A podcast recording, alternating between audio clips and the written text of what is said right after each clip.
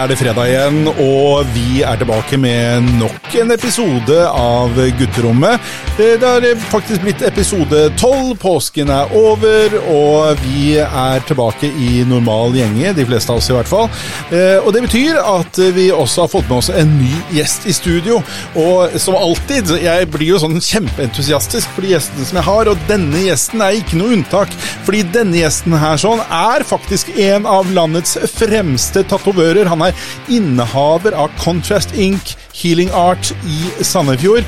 Han tatoverer både vanlige mann i gata, men også en lite knippe av kjendiser rundt omkring i landet vårt. Han er sertifisert akupunktør. Han er utdannet innen polaritetsterapi. Dette må vi finne ut mer av. Mine damer og herrer, mitt navn er Nils Halling, og hjertelig velkommen til deg, Arild Flatebø. Takk skal du ha. Fy flate. Dette her er, dette har jeg venta lenge på. Eh, endelig fått Arild Flatebø inn i gutterommet og studio. Og eh, vi skal jammen ha det litt spennende i dag, fordi vi har til og med vært ute og gått litt eh, i hagen. Og Det kommer vi tilbake til etterpå. og Hva vi gjorde i hagen. Det, vi har gjort et lite opptak som vi skal spille for eh, lytterne våre. Men jeg introduserte deg som eh, og det er kanskje mine ord. Du, kanskje, du er en beskjeden fyr, så du er ikke den som, som eh, eh, bruker de største ordene om deg selv, men jeg sier en av landets fremste tatoveringskunstnere. Uh, og som uh, tatoverer både vanlige mann i gata, men også noen kjendiser. Uh, du, du har en ganske eh, enorm merittliste når det gjelder tatoveringer. Hvor lenge har du holdt på? Um, 100 år snart. Det, det skal vi se, Nå er jeg par og 40, og jeg begynte å jobbe med det da jeg var rundt 15 år. 15-16 års alder. Hvordan begynner man å jobbe med tatoveringer når man er eh, 15-16 år? Um, jeg bestilte meg eh, en, et kit fra USA gjennom et uh, blad, som, uh, tattoblad, som jeg eh, greide å få tak i. Et uh, mye leiting. Og er det sånn hvordan man da trener på sånn skinn og sånt nå, eller måtte du trene på venner og bekjente? Ja, altså, dette er det kunne jeg. Jeg har jo tegna siden jeg var født, så dette var en selvfølge at dette skal jeg få til. Ja, ikke sant? Og eh, jeg har aldri sett en tattomaskin før. Eh, Når jeg fikk dette her i, i posten, så jeg visste ikke hvordan man skulle holde, eller hvordan man fulgte farge på, eller duppa det i farge. Det var ingen, jeg hadde ikke idé. Så eh, jeg fikk hjelp av eh, ja, en, eh, si, en gammel sjømann som hadde sett eh, tattostudio eh, når han var til sjøs. ja, han, eh, han var litt sånn teknisk, så han skrudde dette her og tuna inn dette instrumentet, så det hamra og gikk. Og det var noen aluminiumsmaskiner. Og motoren, den gikk eh, Det var en sånn coil-motor. Gikk For det er de eh, gamle som bråka litt sånn juk, juk, juk. De bråka. Ja. Og den, eh, den var jo innstilt så Det, det er jo sånn som du lager hull i asfalt med. Sånn, Ikke sant? Så, så det rista Bare i lite format. Ja, mye lite format. Så, og det var jo Hva skal jeg si det, den, eh, den ble varm, ikke sant. Så etter 10-15 minutter så smelta nesten plasthanskene på meg. Og, oh. så, så det var det, Jeg visste jo ikke helt hva jeg Altså, jeg, jeg var jo selvlært og bare Jeg tatoverte en uh, banan. Uh, jeg hadde hørt det gikk an. Og så hadde jeg eh, første kunden. Da hadde jeg jo hva, hva syns bananen om resultatet? Den var fin. Ja, Bananen var fornøyd. Ja, den var fin. Men hvem, hvem var første menneske, da? Uh, første menneske det var ei i klassen min da jeg gikk på skole den gangen. Altså Hele bygda sto og venta, for alle visste at Arild skulle få tattomaskin. Så alle hadde lyst til å tatoveres? Nei, Ikke alle, men eh, veldig mange lærere og bekjente, voksne og unge. og alle, Folk hadde jo i alle år gikk, gått, og snakka om at eh, For det er jo sånn bygdedans inn på bygda, ikke sant, der jeg er fra. Og før jeg var gammel nok til å komme inn, det var vel 16-årsgrense, Ja. så, eh, så hang vi utenfor og ja, drakk litt og hang der. og sånn. Jeg vet ikke om vi sa Ja, vi hvor du er fra, men Ja. du må forklare, forklare det, hvor dette er hen. Ja, jeg er fra Øystese i Hardanger. Å, Hardanger. Deilig Hardanger. Ja, det Ja. fantastisk. Og så har du rota deg ned til Vestfoldkysten. Ja, ja. Men ja, eh, de, de sto og venta. Ja, altså, eh, jeg tegna jo, jeg gikk jo alltid med tusj og tegna og sånne ting, så jeg eh, Folk ville at jeg skulle lage sånn falsk stempel på dem, da. Okay. Sånn, det var en A som var rød og en blå B. Det var sånn annenhver gang da, som jeg bytta på. Så jeg satt og jeg fikk fem kroner eller ti kroner for hver sånn, sånn eh, stempel jeg forfalska, da. Ja. Jeg er litt kriminell, da, men jeg da Ja. Eh, og, så Og da kom det inn gratis på ungdomsklubben, da. ja, De eldre guttene da, sånn, de, de sa jo at ja, du må få tatomaskin, Arild, for da kan jeg tatovere dette. her, Da kommer jeg inn gratis resten av livet. sant? Og jeg syns det var en god idé, da. Så, jeg. Ja. Og så um, Der var forretningsmannen født. ja, Da hadde jeg fått litt sånn eh, Hva si Det var jo veldig eksotisk. Det var ikke mye det var, det var, Tatovering var fjernt. Det var ikke mye studio her. Det, si det, det var kanskje de største byene. Ett og to studio. Uh, så var det disse rastebenkene, sånn som står på, på sånne rasteplasser og sånn. Ja. De uh, Inne i bygda der så var jo de helt nedtegna av eh, figurer og diverse sant, opp gjennom åra. Så var det en uh, sånn MC-klubb som kjørte gjennom bygda og tok en pause en sommer. Og en av disse karene han så disse tegningene og hadde spurt noen hvem som hadde gjort dette her. Han ville snakke med, med han som hadde gjort det. Så da kom noen og henta meg, og eh, måtte snakke med den store, tøffe Baker-karen. Han eh, sa at jeg måtte begynne med tatovering. Og det var, det var, ikke noe tvil, for det, det hadde jeg strek til og talent til. da. Så det var, jo, det var på en måte en ordre, nesten. Så da, da hadde jeg funnet ut hva jeg skulle bli, da. Og det, er- det er jo helt fantastisk, fordi eh, jeg tror mange har mye av den samme bakgrunnen. Um, uansett hvilket yrke de ender opp i, så starter det veldig ofte i det små, lokalt, hjemme, og så blir det et yrke. Eh, Finnes det noen form for utdannelse for å bli tatovør? Eh, nei. Det Ja nei. Eh, Det, det er Du må gå og lære. Det er gamlemåten. Ok. Mm. Det fins kurs og skoler rundt omkring i verden noen steder og sånn, Ja. men eh, du blir ikke tatovør av å, å ta et kurs. Det er, det er Kun, kun øving. det er, altså Skal man bli eh, en tatovør profesjonell, så må du Det er jo, det er jo hygiene. Det er, det, det, er et yrke, det, er utrolig mange ting man skal lære. Ja, fordi Det det, er alt- dette er nesten medisinsk på mange områder. ja, det er, du har et stort ansvar. Man skal uh, sitte og markere folk. Eh, det er jo prosessen, skape motivet. Mm. Uh, kunden skal bli møtt og føle seg trygg og bli fornøyd Mm. med design. Så det, det er en prosess. Det er hva si, anbefale, råde, utvikle sammen da, med kundemotiv. Mm. Finne plassering. Og så er det hele studio, da. Det skal jo drives som en skal jeg si? Det det er hygiene. Det er, det er klinikk, ja, omtrent. klinikk. Det, er- det, er- det er det er, det mye. Det er kundebehandling. Det det, det er veldig masse ting. Og Det er ikke bare å tatovere. Det er alt det andre også. Mm. Men um, for de som eventuelt uh, sitter og lytter nå og tenker at ja, jeg tror jeg hadde egna meg som tatovør, liksom. Hva, hva er liksom grunnleggende man må kunne? Er det tegning? Er det liksom det grunnleggende, eller er det andre ting? Altså, tegning er jo det er jo tegning man gjør. Altså eh, utføre bilder og motiv. Så du må vel ha en kunstnerisk sans til en viss grad. Uh, og det er jo forskjellige nivåer på tatovører og tatoartister osv. Mm. Man kan bli en eh, altså, Det er et håndverk òg, så man kan lære Hvis man er stø hånd og trener og målretta, så kan man lære seg håndverket og hva skal jeg si, komme til et visst nivå. Mm.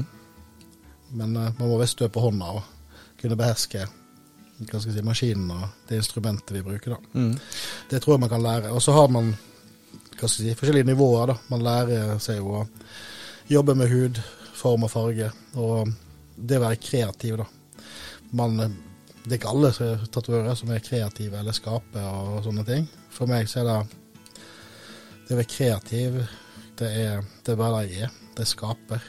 Det har jeg gjort siden jeg var født. Det For jeg tenker, jeg tror mange har en forventning om at når de kommer til et studio, så eh, kan de si noe om hva de ønsker seg, og så kommer du eh, eller eh, dine kollegaer med et design og et forslag. Ja. Eller, eller er det sånn at eh, folk kommer inn og de får en bok, og så skal de sitte og bla, og så Jeg tar eh, den med ankeret der, liksom. Mm. På, når jeg begynte å tatovere, så var det jo Da hadde man sånne kataloger, eller sånne flash som hang på veggene. Jeg har litt sånn feeling at det er sånn der i Syden-opplegg, liksom. Ja, men det var, det var her nei, I min start i karrieren så var det sånn på alle studio. Da var det Flash heter det. ikke sant? Det er sånne design. De, de gikk jo igjen på alle studio verden over, ikke sant. Og, og folk har, hadde lik smak. Altså den kuleste tigeren på, på sant. Den, den eh, likte alle i andre land òg, og andre byer. Så det var, når du kom på Stranda, så var det mye samme tingene som gikk igjen. Og um, da jeg begynte på å surfe den karrierebølgen, så var det en sånn håndfull med tatoveringer som var på mote. Det var piggtråd rundt armen, og det var keltisk bånd og kinategn og små tribal og sånn. Det er mange som angrer litt på det i dag. Det er det. Det, det har utvikla seg enormt. Det har det. Ja. Men jeg er takknemlig for å, for å begynne liksom helt i starten på den nye bølgen som fortsatt er. da. Tatovering har jo alltid vært siden tidenes morgen. Tatovering har alltid vært, men jeg vil jo si at det, det virker som om det har fått en ny renessanse, eh, blant ungdommen spesielt. Eh, og jeg er ikke noen ungdom, eh, men selv jeg tatoverte meg i voksen alder, og har eh, nå på begge armene. Eh, jeg har ikke full sliv, har ikke tenkt å ha det heller, men eh, jeg syns det er veldig hyggelig å kunne markere ting som er viktig for meg. Så jeg har liksom ene har med barna mine å gjøre, og den andre har med mine, mitt opphav og mine interesser å gjøre.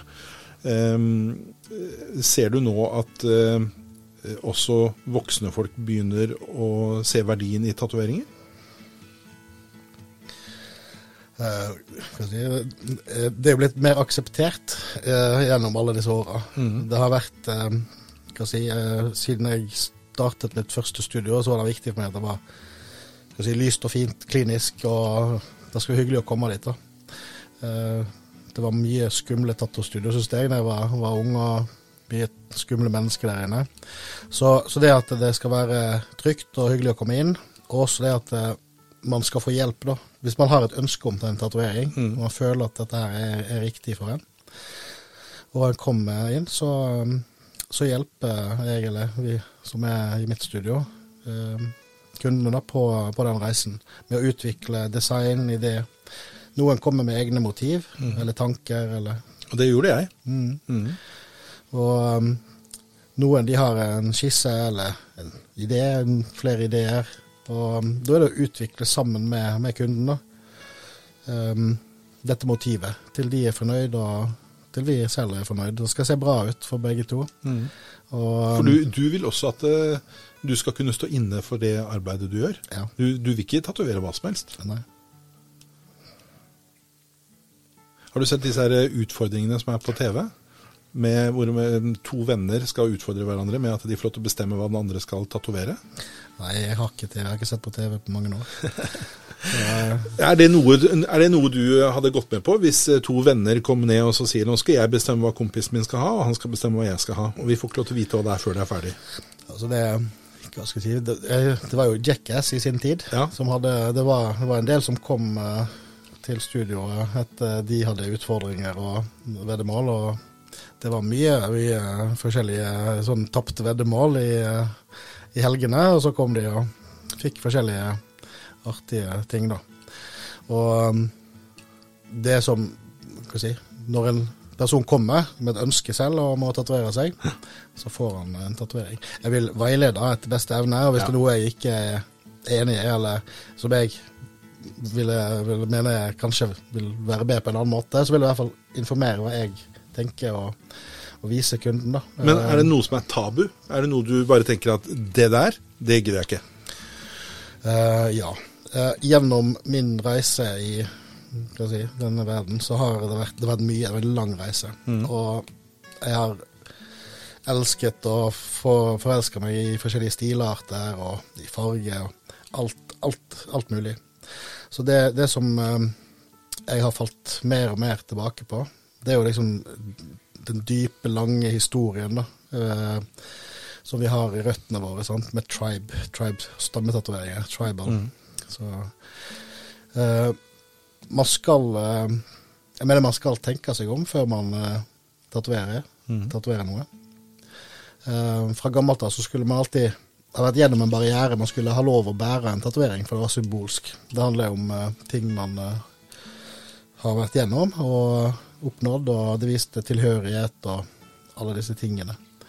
Man brukte det også til, eh, si, til, eh, til medisinsk bruk innenfor eh, healing, sjamanisme. Det var ofte medisinmannen eller sjamanene som tatoverte i, i de forskjellige hva si, verdenshjørnene og Mm.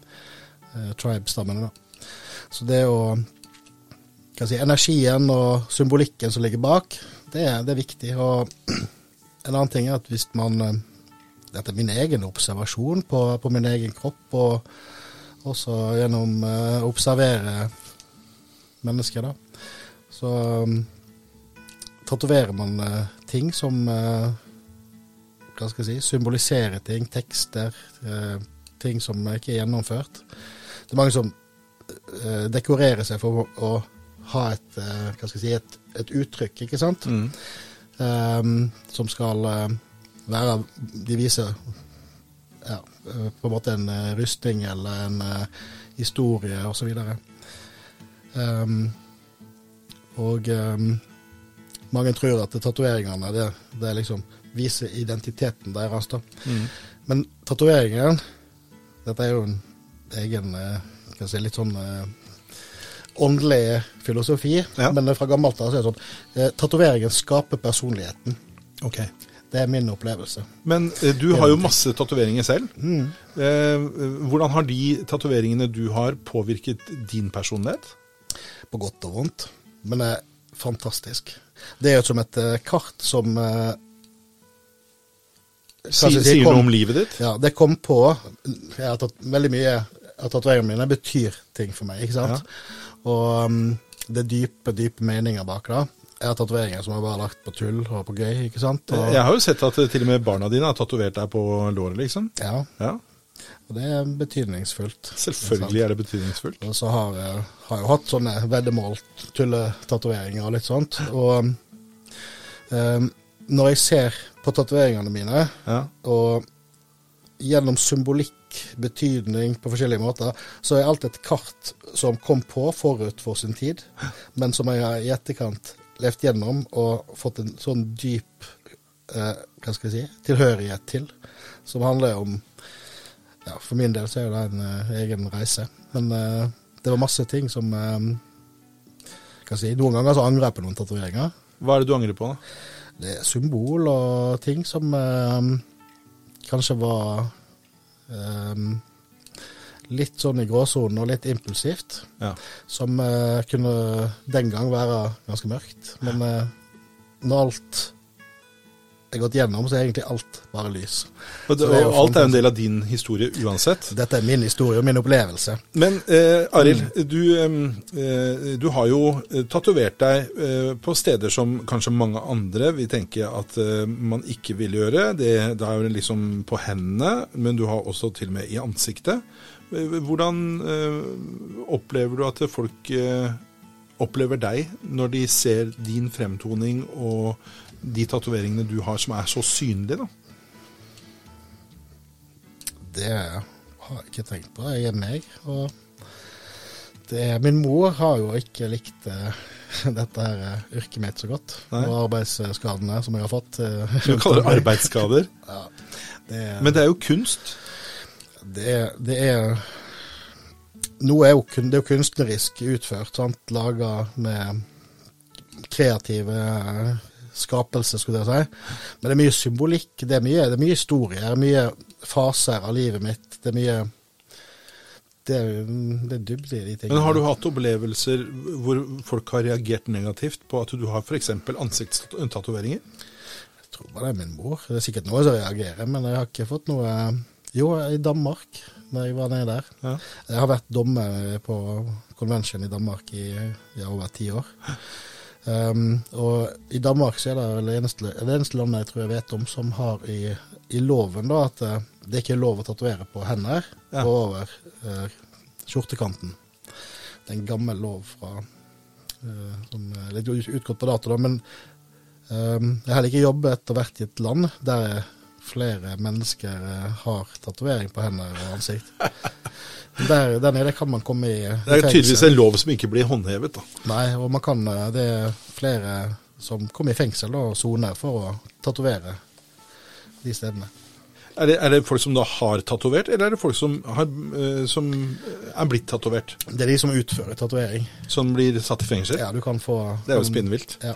Det er jo helt spinnvilt. Så, um, så eh, i Danmark, der, eh, der er det der kommer ikke man inn på utesteder hvis man har synlige tatoveringer. På puber eller Det visste jeg ikke. Nei. Eller stoppet uh, Ja, da, da får jeg være litt forsiktig med det. Mm. Jeg er glad i Danmark. Ja. Men eh, eh, Arild, du er så veldig mye mer enn eh, bare en eh, tatovør. Eh, du, du driver også med eh, eh, forskjellige typer med Altså, du sier healing art. Mm. Eh, og i dette så ligger det også en form for akupunktur. Som jeg syns er veldig interessant. Mm. Og det er jo faktisk eh, du, du bruker Hva kaller du de? Eh, som du setter i ørene og sånn. ja, jeg har jobbet med, med piercing, body piercing, parallelt med, med tatovering. Ja. Og um, for kanskje nærmere 20 år siden så begynte jeg å få interesse for eh, akupunktur, fordi jeg, jeg ønsket å lære om punktene i øret. og Man hørte jo at eh, man skulle ikke stikke hvor som helst. og um, Men De når du der, snakker så- om ørene, snakker Ja. vi da om sånne punkter à la soneterapi, refleksologi? Ja. Er vi den gata der, Dette her liksom? er øreakupunktur, ikke Ja. sant? og også kroppsakupunktur. Og der Jeg- teorien er at uh, i øret så sitter det nervebaner som går egentlig til det meste. Stemmer det? Ja, Altså ør, I ørene, hendene, føttene, egentlig alle kroppsdeler Ja. speiler hele kroppen. Men ørene er jo eh, en av de mest uh, også synlige. ikke sant? Det- ser ut som et foster Ja. opp ned når man ser på øret. Og um, i øret så har du hele kroppen. Det kalles i Kina for um, sjelens speil. Oi. Og du har jo fotsoneterapi, og i hendene så har du det samme. Så man behandler Det er bare en av disse soneområdene som man kan behandle hele kroppen. Fordi du eh, tar jo imot eh, pasienter, eh, kan jeg kalle det det? Pasienter? Klienter. er- Klienter Ja. ja, som ønsker å eh, prøve alternative måter å løse utfordringer. Hvis jeg kan si det sånn. Det stemmer. Eh, jeg har hørt veldig mye interessant om dette. Og jeg har også prøvd det selv. Jeg syns det var veldig vondt. eh, men det var sånn initielt, liksom. Men jeg vil jo anta du har fått mye positive tilbakemeldinger på folk som har eh, opplevd at dette har funka for dem. Det, det, det er det. det. Jeg hadde ikke jobbet med dette hvis ikke det var den effekten og den forandringen det gjør for folk. da. Fordi en av de tingene som imponerte meg mest, da, når jeg gjorde litt research før du skulle komme, mm. og prøvde å sette meg litt inn i hva dette var, så så jeg det at eh, du behandlet folk som slet med bl.a. migrene, Det stemmer. og med vanvittig bra resultater. Nesten sånn at de, de sa at de hadde fått et nytt liv. Ja, de får livet tilbake, eller smerten forsvinner i hvert fall. Det er jo helt eh, vanvittig. Ja. Uten bruk av medisiner. Ja, det er uten bruk av medisiner. De, eh, de som kommer, de, eh, de, eh, de har jo vært ofte igjennom alle medisiner. At Noen har hatt det fra de var unge og barn, og de kommer når de er pensjonerte. Og eh, de sier at dette er siste, siste utvei, for medisiner de bruker man ofte opp, eller får mye bivirkninger av. Um, så ja, de eh, blir kvitt plagene eller smertene går bort. Og så um, De sier 'hvorfor har jeg ikke gjort dette før', eller 'hvorfor har jeg ikke hørt om dette her'. Så um, det betyr, For meg så er det i hvert fall meningsfullt å holde på med noe som kan uh, gjøre at uh, andre får et bedre liv. Eh, Det, det vil jeg absolutt tro. At eh, det vil bety mye også for deg når du får sånne tilbakemeldinger som det i hvert fall jeg så eh, fra sosiale medier eh, som du hadde fått. Så syns jeg det er veldig imponerende. Eh, hva er den rareste forespørselen du har fått, da? Om du kan løse, liksom? Um, Hvis du har lov til å si det. ja, da, det, det, det, altså, jeg, kan fortelle litt rundt dette, for det er ganske og Det har blitt veldig mye mer enn uh, ja. sånn det startet. Um, for uh, ja, si, nærmest 20 år siden, 15, nei, 17, 18, 20, uh, så begynte jeg å studere akupunktur. Og um, han første læreren min han uh, fortalte at i, i, Kina så setter man uh, piercing i øret på barn i punktet for øyet. Det er for å bedre synet til, til mennesker som får piercingen gjennom livet. Og um, det hadde ikke jeg tenkt på eller visst, men én pluss to er tre. Og man perser jo diverse plasser, og um, da kunne man sikkert fikse andre ting.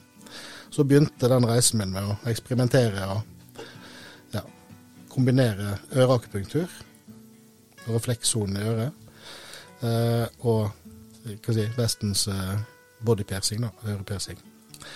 Og det har gitt eh, gode resultat, og bedre og bedre. Og etter å ha satt meg inn i de forskjellige retninger i akupunktur og lære om det bakenforliggende da, for uh, at man får symptomer som migrene f.eks., så, så det blitt enda mer spennende. For det er alltid en grunn til at eh, man har et symptom. Og det gjelder nesten alle symptom man får i kroppen. Det er pga. ubalanse og blokkeringer i energibanene, meridianene, organene i kroppen. Og um, Før så jobbet jeg mye med bare symptombehandling. Det er da, De kommer for å bli kvitt en sperte eh, som um, er utholdelig. Men det er ofte veldig sammensatt av bakanforliggende ting. Så det er en læren en, uh, gjennom de siste årene å forstå hvordan hele mennesket fungerer, da. Gjennom uh, kinesisk uh, medisinske perspektiv og det ayurvediske medisinsystemet. For det ser på hele mennesket. Det er alltid en grunn til at man får et symptom. Og dette gjelder de fleste sykdommer, folkesykdommer, ikke, ikke alt, men de fleste som, eh, som hva skal jeg si, mann i gata og hvordan man er plaga med. Det er, det er, ofte helt andre årsaker til ting enn eh, det jeg eh, kunne fantasert om å tro tidligere. Så det å, å, å fjerne smerter for folk, det er en lett sak. Det, mm. det er nesten bombesikkert. Det, det, høres jo helt fantastisk ut når du sier at det er en lett sak. Ja, det, det men, men, det som er si, Tidligere trodde jeg at jeg hadde løsningen på mm. det der var jo For det funket. Det funket på så enormt mange, sånn opp i 90-95 mm. av de jeg behandler. Og jeg behandler fem, ja, skal si, de årene jeg er mest er aktiv, så er jeg 500-600 i året. Det er veldig mye. Det er veldig mye. Og det er eh, all slags mulige plager, da. Men eh, det, det, som jeg har lært og forstått på reisen, det er at det, eh, hvis ikke man La oss si da, hvis det er er de bakenforliggende tingene kommer av Det er veldig stort spekter. Men hvis klienten da, ønsker å bevare denne effekten kanskje livet ut eller for alltid, uten at det kommer tilbake, mm. så er det viktig å forstå litt grann, hva er det som gjør at du fikk dette her i utgangspunktet. Hva løste det ut? Eller mm. hva, er, hva, er, det som gjør at uh, du har denne diffuse plagen? For migrene f.eks. er en ekstrem smerte, og det har du uten at du har slått hodet. Og um, da bør man egentlig tenke at hva, hva, er, hva er, grunnen til dette her? Hvis man slår seg i hodet eller i kneet og faller i et fall, så, så gir det jo mening. Mm. Så alt dette handler jo om eh, meridianenes eh, hva skal jeg si, måte å signalisere at det er ubalanse i kroppen. Og Det går på organene. Alle organene i kroppen har sin egen eh, meridian. Og så har du det vediske eh, energisystemet som er en litt annen måte, og som går på elementene vi er bygd opp av. Eh, det er ganske omfattende, og det er veldig avansert og veldig enkelt. Så eh, i dag så jobber jeg mye med å få de som ønsker det, uh, de som ønsker å, å få vite litt mer hvordan det bakenforliggende er. Mm. Det å, å, gi videre den kunnskapen jeg har lært, eh, sånn at folk kan skjønne signalene kroppen gir, smerter og symptomer, og hva som er det bakenforliggende organet til symptomene. Og Dermed så kan folk begynne å kjenne igjen og forstå kroppen sin på en helt annen måte. Eh, balansere de tingene som utløser det. Av og til så er det bitte små ting. Bagateller som utløser ekstreme si, helsetilstander. Av og til så er det ganske, ganske mye. Du må skrelle en løk. Så. Men eh, for meg så er det meningsfullt å, å, å jobbe med dette her. Um, mange folk som er si, på vei til å bli ufør og langtidssykemeldte pga. smerter. Som kommer tilbake i livet og ja, kan begynne å jobbe igjen og få et normalt liv. Men det- Kan det ligge noe psykologisk i dette her også? Ja, det gjør det. Det er, det er de, veldig, veldig mye av eh, plager utløses av emosjonell overbelastning. Mm.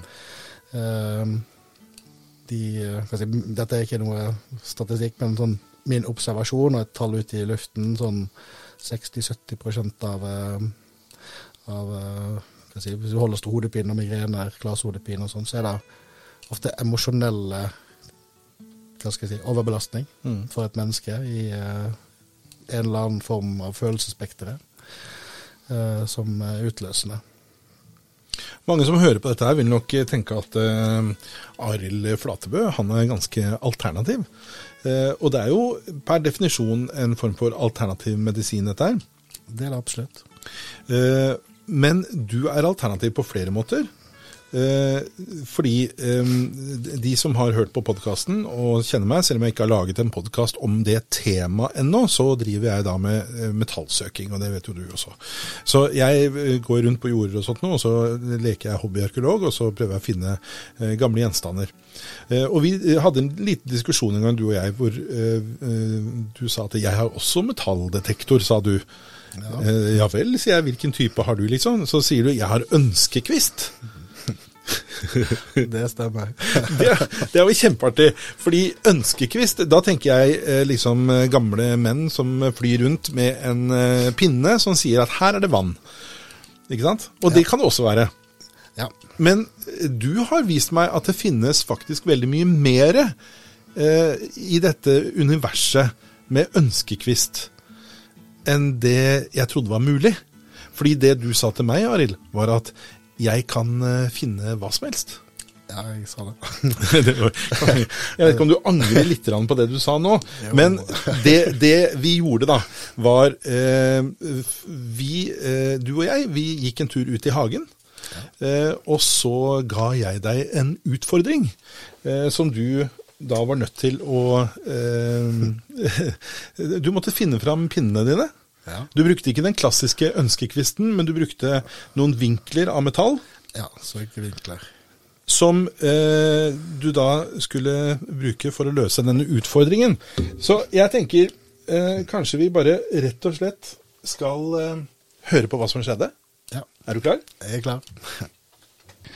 Ok, Arild. Vi eh, eh, har beveget oss eh, utendørs, og eh, du har tatt med deg eh, Kan jeg kalle det ønskekvisten? Ja, dette er jo en, eh, en si, søkevinkel. To vinkler som ja, virker, på samme måte. Ja, for de er jo laget av metall, Det, og så, så er det sånn kobberrør, er det det? ja, det stemmer. Eh, og da holder du i det kobberrøret. Det stemmer. Jeg holder i den, og så ja, skal si, Den gjør utslag da, etter hva jeg skal finne. For da, da beveger de pinnene seg, sånn de enten krysser eller går fra hverandre? Altså mot hverandre eller fra hverandre? Ja, Det er forskjellige sånne tegn og symboler de gir. da. Så vi får se hva de, hva de finner. Det jeg pleier å gjøre når jeg eh, starter med de, det er å nullstille meg sjøl, på en måte. Fordi nå alltid, gi, meg et, gi meg et ja, ikke sant? og gi meg et nei. Og det er sånn Skal vi se. Gi meg et ja. Det er ut. Da er jeg på nett, og så nei. Så får vi se om For det, det de gjorde nå, når du sa 'gi meg et ja', så gikk de fra hverandre. Det stemmer. Og når du sa 'gi meg et nei', så gikk de sammen. Ja. Det er positiv ladning og negativ eh, ladning. Fordi eh, du sa til meg en gang, så sa du at eh, jeg eh, kan finne hva som helst av det. Det har jeg sagt. Og, det, og derfor så må jeg utfordre deg litt. Ja. Så eh, utfordringen din er nå Nå står vi i hagen eh, i, eh, utenfor huset mitt, eh, hvor vi spiller inn gutterommet. Eh, og i denne hagen så har jeg gravd ned Nå tror du sikkert jeg har gravd ned en mynt eller et eller annet sånt, men nei, jeg har gravd ned en katt. En katt. Nå skal vi på likjakt.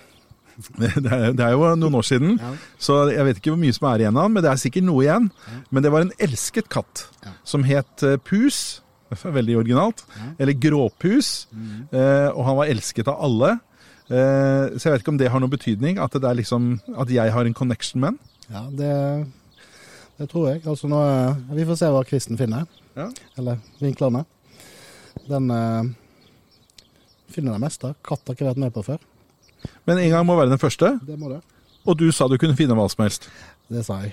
Så jeg håper at eh, det stemmer. Ok, hva, hva vil du begynne med nå?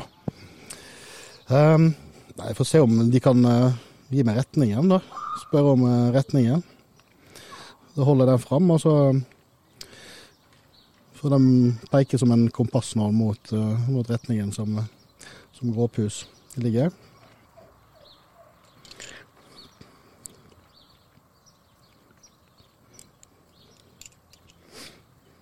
Og nå, nå beveger den seg i en viss retning, og eh, du har eh, liksom snudd deg mot denne retningen. Ja, og så spør jeg eh, er det den retningen gråpus ligger, og den sier ja.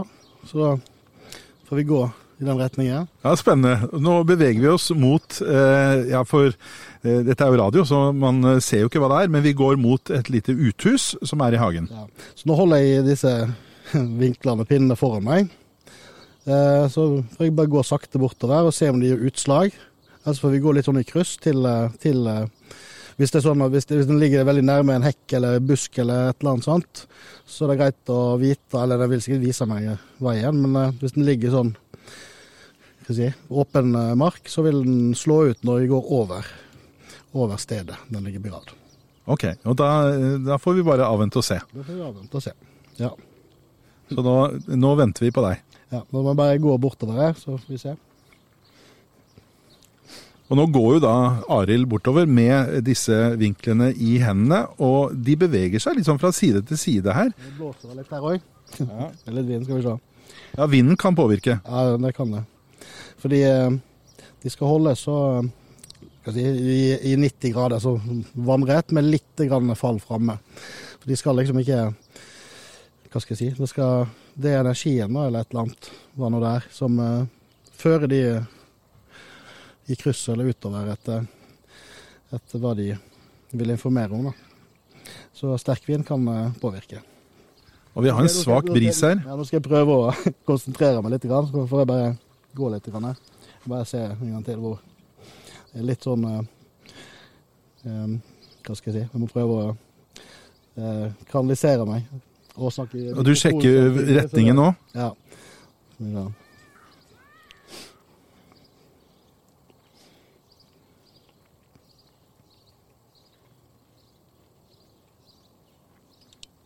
Og det er ganske rart å se, for disse beveger seg jo fysisk. eh, De vinklene eh, går eh, liksom i en retning, og han viser da Arild retning som vi nå beveger oss i. Og vi beveger oss nå nærmere dette uthuset. Eh, Og eh, jeg vet ikke om det har noen betydning, men nå går vi over en stoppekran. Kan den reagere på det, kanskje? Men jeg ja, nå er vi på leiting etter noe annet. Skal vi se. Jeg bare se her da Vise viser nå.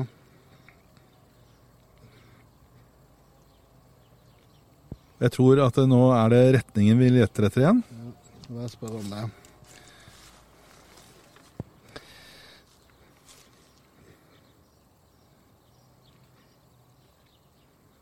Jeg vil anta at Arild nå driver og spør noen spørsmål eh, inni seg selv, og så får han noen svar. Eh,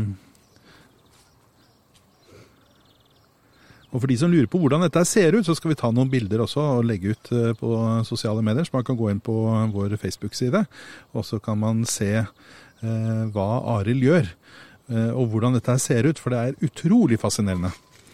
Men det Arild ikke vet, er om han er i nærheten eller ikke. Det vet vi ikke. Det må jeg nesten spørre om. Nå er det jo mye krinkler og kroker og litt trær og, og sånn. Er jeg i- riktig Er tam, tampen brenner, eller er det, er det vi på Hva heter det? Er det varmt eller kaldt? La oss si det sånn da, eh, Arild. Vi, eh, denne tomta er på eh, ett og et halvt mål. Ja. Det er ganske mye. ja. Eh, og du er eh, ca. tre meter unna. ja. Så da er vi på sporet. Så får vi se om Og han- det verste er at han, han eh, var ikke overraska. Det var bare Ja, da er vi på sporet, bare. Så det, det er helt tydelig at han eh, Han forventa faktisk at han skulle finne noe. Skal bare se en gang til.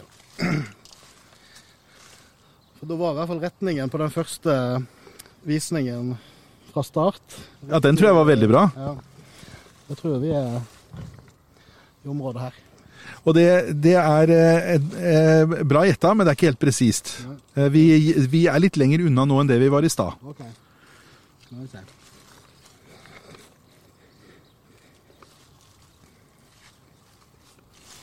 Bare spør om det er riktig vei. Ja. Det blir litt sånn at jeg skal snakke i mikrofon og Ja, og det, det er ikke lett, og jeg står her med mikrofon og liksom stapper den opp i ansiktet på deg. Jeg skjønner at det er litt vanskelig. Så Arild sjekker nå eh, Ja, det er noen bevegelser her. Det er jo litt av en utfordring du har fått, da. Jeg må jo si det. Det da. Skal finne en død katt. Ja, nå kryssa, nå kryssa de idet du gikk over dette punktet. Ja. Det er det. Negativ energi. Det er jo noe et lik vi leter etter. Det er et lik vi leter etter. Er vi i nærheten nå, eller nærmere? Vi er bitte litt nærmere, men du er fortsatt ca. 2,5 eh, meter unna. Ja, skal vi se. Da får vi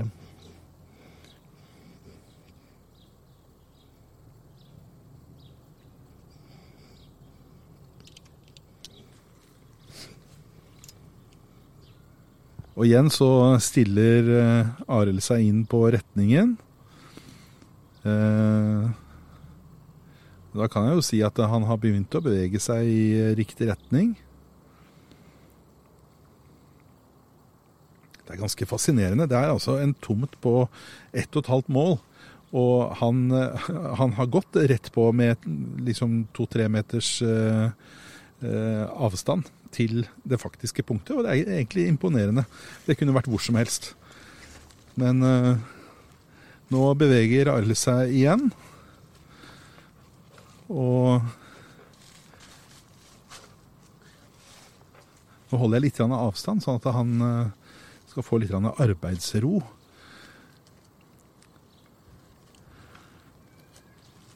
en eller annen plass her.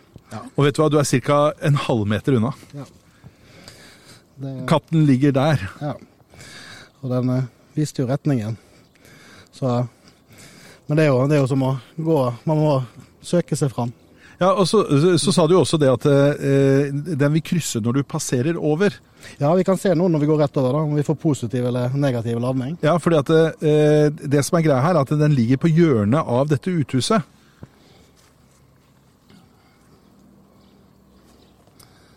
Der er det kjærlighet. Og der fikk du eh, positiv lading. Det gjorde jeg. Og det, du sier at her er det kjærlighet, sier du, og det kan jeg love deg det var. Ja, det tror jeg på. For den katten, den, eh, den forlot aldri eiendommen her når han skulle dø. Han la seg under eh, plattingen der borte og døde, og vi skjønte jo ikke hvor det hadde blitt av han. Når du står her, så får jeg jo gåsehud på hele kroppen. Ja, gjør du det? Det, det er som, som å stå inne i en fontene med litt sprakende energi. Utrolig fascinerende. Eh, Det ligger jo sånne små kjærlighetsdyr over hele denne tomta, da. Det har jo vært noen hamstere og kaniner og litt sånt noe oppimellom. Men akkurat det dyret som vi lette etter nå, har vært helt spesielt. Ja, det, det, det skjønner jeg. Så det var hyggelig å få den utfordringen. Da, det har ikke jeg prøvd før, så Men da vet du at du kan også lete etter lik. det kan jeg. Jeg har jo sagt jeg kan finne hva som helst, så, så vi får se. Vi får, vi får få noen eh, flere utfordringer etter hvert.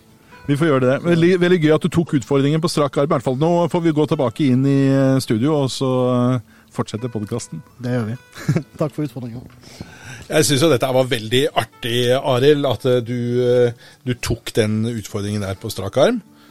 Ja, det var, det var, det var gøy, det. Det, var, det som var mest eh, skummelt, det var det å ha mikrofonen oppi, oppi ansiktet hele tiden. Det var litt sånn der forstyrrende. Og, og, jeg, og jeg kan jo tenke meg, altså jeg hadde jo en del elektronikk med meg, liksom, så det kan jo hende at det også påvirket utslagene også. Jeg vet ikke hvor sensitivt det er for den det, type det, det, ikke, når eh, eh, kan si, jeg er kanalisert på noe, men det er at jeg, må være Det er litt vanskelig å forklare, og det blir litt sånn rart å si. Ja. Men, eh, men jeg må på en måte være Jeg må tømme hodet. Jeg må kan si, kanalisere energien min, da. Ja. Og det, det må være i For det sa du flere ganger, at Ja. du måtte liksom Det- det Nå må jeg som- stoppe opp litt, og så må du bare finne som, ut hva som skjer. eh, som uh, man driver med meditasjon, ikke Mm. sant. Man må gå inn i den um, tilst, si, frekvensen, da. Mm. Uh, ja, uh, alfa, eller jeg husker ikke hva de heter, de greiene. Men det er samme frekvens som går inn på. Samme energi, prana-energien. Mm. Kjenne den gå gjennom. Og, og når man har en mikrofon Jeg er ikke så vant med å ha mikrofon oppi ansiktet mens jeg skal gå og lete. Men det jeg syns var veldig tøft, da, Arild, det var det at eh, med en gang vi begynte, og vi var midt på eiendommen, med en gang vi begynte, så ba du om å få retningen av det først, og da ga han veldig Kanskje ikke helt presist, men ganske presist retningen på hvor du skulle gå. Ja. Ehm, Så allerede der så fikk du en pekepinn. Og eh, min datter sto jo ute og fulgte med på dette, her, og jeg kikka bort på henne. Hun hadde store øyne når hun så at du faktisk gikk i riktig retning. For hun visste hvor denne katten var begravd. Ja. Så um, det er jo Man må jo søke og, og leite rundt. Det, det var ganske presist, den første, når vi tok den kompassvinklinga. det var veldig og så vil jeg dobbeltsjekke og stille meg i retning. Og da kan vi, Jeg stilte meg litt skeivt, og så vil jeg spørre ja nei om retningen er riktig, da, for en bekreftelse. Så, så det var litt sånn elimineringsmåten, da. Men Men eh, er det første gang du har eh, lett etter et eh, dødt dyr? ja, det er det. Ja. Du kan plutselig nå så blir det en karriere Nei, det er ingen som har behov for det, egentlig. Men eh, eh, har, bruker du dette til noe praktisk? Altså, eh, er det sånn du har mista nøklene, og så finner du fram ønskekvisten og finner nøklene dine igjen? Ja, det hender. Det, det er veldig sjelden. Men det, det var en stund siden jeg, jeg fant ikke fjernkontrollen. Det gikk i en stund siden. Det var skal jeg si, i plass jeg bodde, et eh, års tid siden. Og barna mine var på besøk i helga, og vi skulle se på tegnefilmer og dette. Um, vi fant ikke fjernkontroll. han lette overalt. Og satte meg ned, og da spurte jeg jeg brukte en annen type sånn vinkelsak. Og den pekte liksom ved siden av meg i sofaen. Der hadde jeg jo leita to ganger allerede. Mm. Og så satte jeg meg ned og bare ja. Men så så jeg en gang til. Godt da, jeg ser ikke alt, jeg alltid så, ser er ikke så god å leite, da. Men den lå der, helt kilt nede i sofaen der som pekte. Det er ganske spesielt. Så, um, men si, det, det som jeg si, Det som er, er enklest og sikrest og sånn, det, det, er jo, det er jo vann og si, kabler, metall, sånne ting. Det eh, Jeg har en sånn hobby, det er å lete etter si, vannkilder og sånn. da. Mm. Um, her i Vestfold så er det jo mye vikinghistorie. Absolutt. Og det er ikke mye drikkevann, eh, drikkbart drikkevann i Vestfold. Og jeg vet jo at der som folk bosatte seg i gamle dager, så var det ofte ved, ved elver, eller det måtte være drikkevann. Mm. Um, og um, jeg var på Vikingmuseet og hørte med de hvordan det var. Jeg, var, jeg har vært nysgjerrig på dette, det er en sånn liten hobby jeg har på å si. Ikke sant? Og um, de sa at de eh, vikingene drakk ikke vann, for det var ikke drikkbart her i området. Det var borti Borre Drakk mjød. Ja, mjød og, og øl og sånn, sa de. Men eh, det lages jo på drikkevannet, og det blir ikke destillert, så det vil jo ha bakteriene og de samme tingene. Så det svaret var ikke godt nok for meg. Så jeg har vært på en sånn der eh, hobbydetektivrunde og lett etter sånne oller, gamle vannkilder og oppkom og sånn. Ja. Og det har jeg funnet mer og mer av. Og grunnvannet, da, primary water, sant, som er i bakken, det er jo um, det er overalt. Og i eh, hva skal jeg si, gamle eller Brydedammen den heter, Ja. det var jo en kunde som fortalte meg at det var en kunstig utlaga sånn dam som de i gamle dager lagde is, altså de som svære isblokker, Ja. som de tok i seilbåter og eksporterte til England. Og, Ja, det var i forbindelse med hvalfangsten. Så pakka de hvalkjøtt og sånt noe i is. Ja, men før da, det var, for jeg, jeg, jeg har eller gått litt i dybden da, Ja. det var liksom helt i skute... Jeg tenker du var enda lenger før òg. Ja. Eller det var det jeg eh, mener jeg leste. Ja. Det var, det var i... Fordi Bugårdsparken er jo samme sak. Eh, Dammen der oppe ble også gravd ut for eh, isproduksjon. Ja, for der òg eh, har jeg en eh, teori om at eh, Fordi at det, det er jo ikke en uh, kunstig dam, og jeg har sett at det vannet renner ut. Så um, jeg er jo på, på sporet av å forstå at vikingene kunne overleve og bosette seg her, da. Ja. Så, um, Og hva si, Bry- Brydedammen, da. Jeg gikk inn i leksikon, hva heter, historie, og søkte bakover. Og det var en olle oppå toppen der med kildevann. Så um, Og kildevann er jo Det er jo hellige kilder og si, medisinske kilder og kilder. Så, men eh, drikkevann må vi ha. Så, um, så jeg syns det er en gøy hobby, da. Ja, fantastisk. Og jeg, jeg ble så imponert over eh, det du fikk til på den utfordringen, for jeg tenkte liksom eh, hva jeg skulle finne på, og så Nei, vet du hva, det må være noe som er knytta til meg, og det, den katten var knytta til meg. Men vet du hva, eh, tida flyr litt, så eh, jeg har Jeg nevnte så vidt til deg før vi begynte at eh, du, skal, du skal få en utfordring til. Eh, som alle som er med på eh, gutterommet får. Og det er at vi skal tilbake til eh, 2000-tallet. Denne utfordringen her gruer jeg meg mye mer til enn den forrige. For det. Og den, denne, dette er da eh, fra spillet Gullgeni fra år 2000, eh, hvor du skal få lov til å trekke to kort. Nå lener jeg meg mot deg, og så skal du få trekke to kort. Ikke se på dem. Sånn. Der har vi to kort. Kan jeg, nei, du skal ikke se på dem. Nei. Sånn.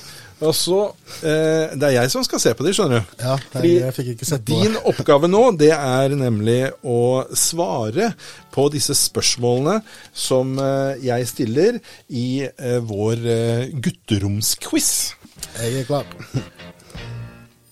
Og da er det første spørsmålet du skal svare på, det er hvor ligger smutthullet?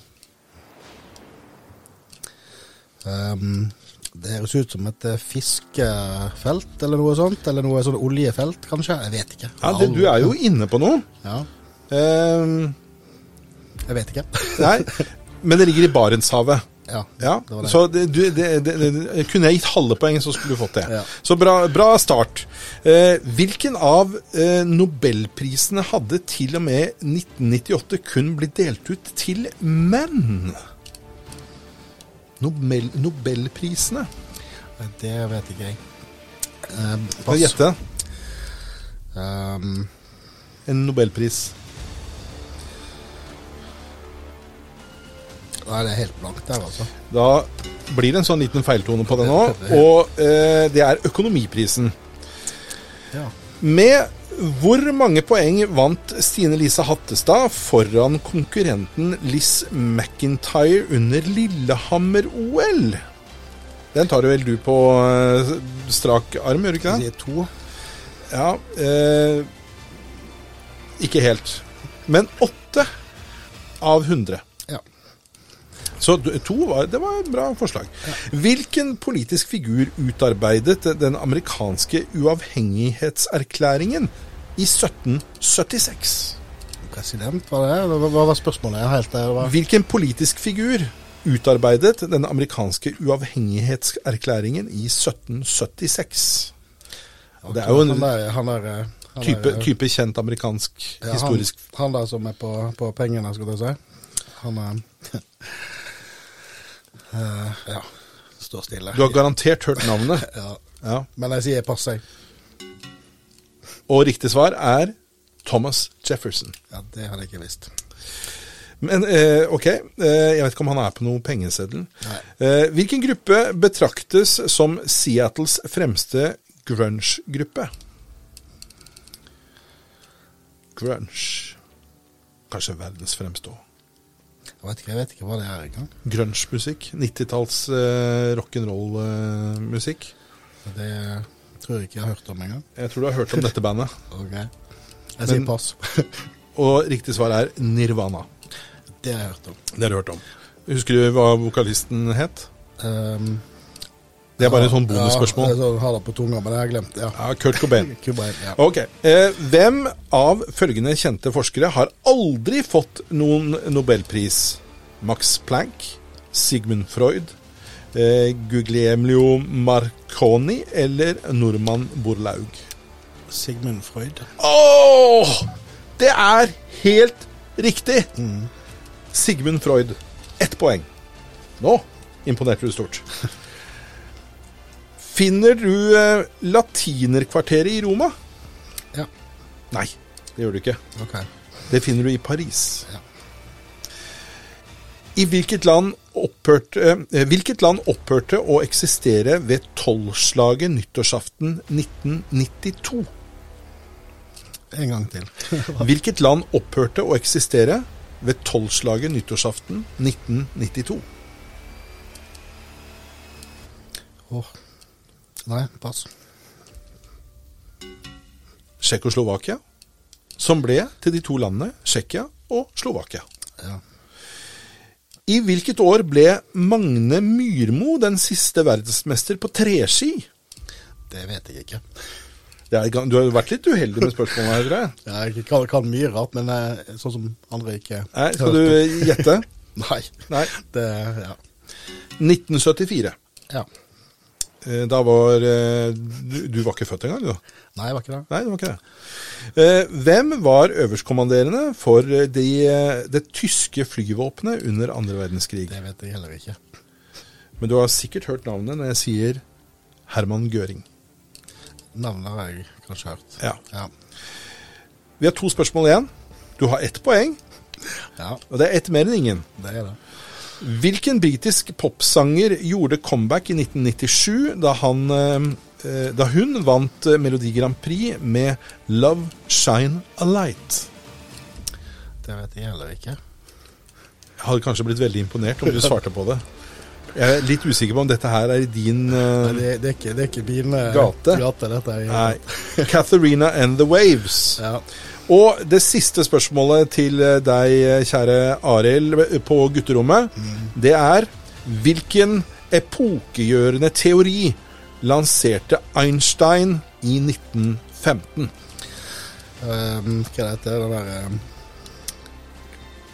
eh, Loven om uh, fysikk, vil du si. Eh, em, nei, det nå står det stille. Ja. Ja, det skjønner jeg. Jernteppe, er det det det kalles? Noe sånt. Ja. Da må jeg gi Relativitets... Åh, takk! Ja. Der kom den. Og du sikret med det, Arild Flatebø, to poeng i gutteromsquizen.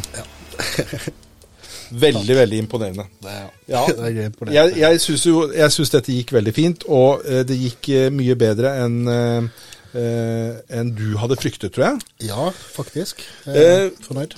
Det, har vært eh, fabelaktig gøy å ha deg her. Eh, vi har eh, noen få minutter igjen, bare. Bare et par minutter igjen. Eh, og så tenkte eh, du, du kom opp med et veldig bra forslag her midt under eh, podkasten.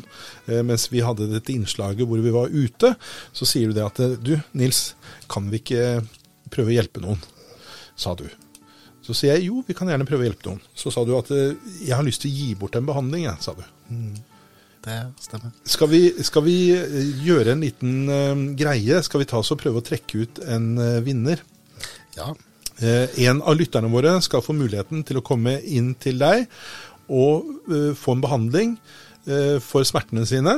Eh, og skal vi gjøre dette på eh, Du har kanskje flere tilhengere enn det jeg har på din eh, Facebook, så kanskje vi skal ta det der? ja, jeg kan godt legge det ut der. Og Ja. tenk at hvis noen har eh, si hodepine, da, Ja. samme hva det måtte være, eller andre plager òg, hva det måtte være, eh, smerter og ting som ikke man har lyst til å ha lenger, så vil jeg gjerne hjelpe å si, balansere det da, og kanskje få det helt bort. Um, så hvis noen har uh, smerte og ønsker en, uh, en gratis behandling hos meg, uh, så skriv navnet ditt si, i dette innlegget som vi skal dele. Så vi kommer til å dele det på siden. Eller hvis du kjenner noen som, du, som har smerter eller problem, som du mener kanskje fortjener en, å vinne en premie, så skriv navnet på den personen du ønsker skal vinne. Så trekker vi en, en vinner. Og det, jeg syns det er fantastisk raust av deg, Arild, å gjøre en sånn greie. Og jeg håper lytterne våre eh, setter pris på muligheten.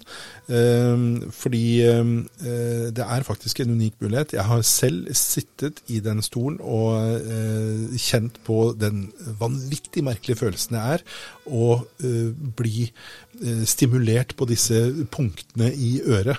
Eh, Det skjer noe med kroppen din. Så at, det, at den, dette her fungerer, det kan jeg skrive under på.